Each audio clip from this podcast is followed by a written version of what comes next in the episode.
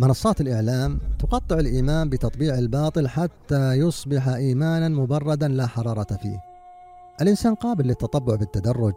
نظرة فابتسامة فسلام فكلام فموعد فلقاؤه فالسكوت عن الباطل وعدم محاولة التغيير سبيل للتطبع عليه ثم الولوج إليه ثم يوطن في النفوس.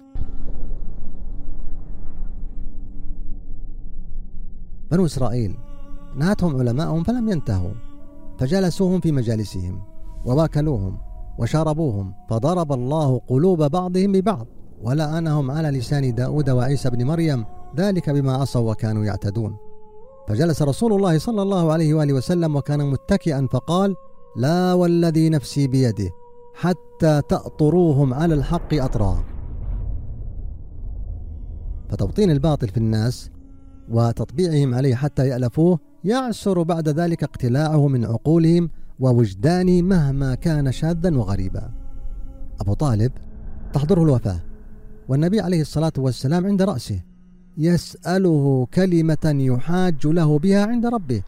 فيقول هو على دين عبد المطلب فيموت عليها.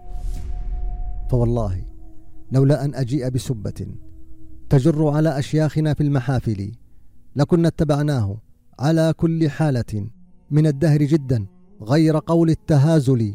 لقد علموا أن ابننا لا مكذب لديهم ولا يعنى بقول الأباطل.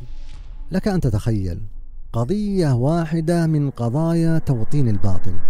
احتاج محمد عليه الصلاة والسلام ثلاث عشرة سنة لتصحيحها.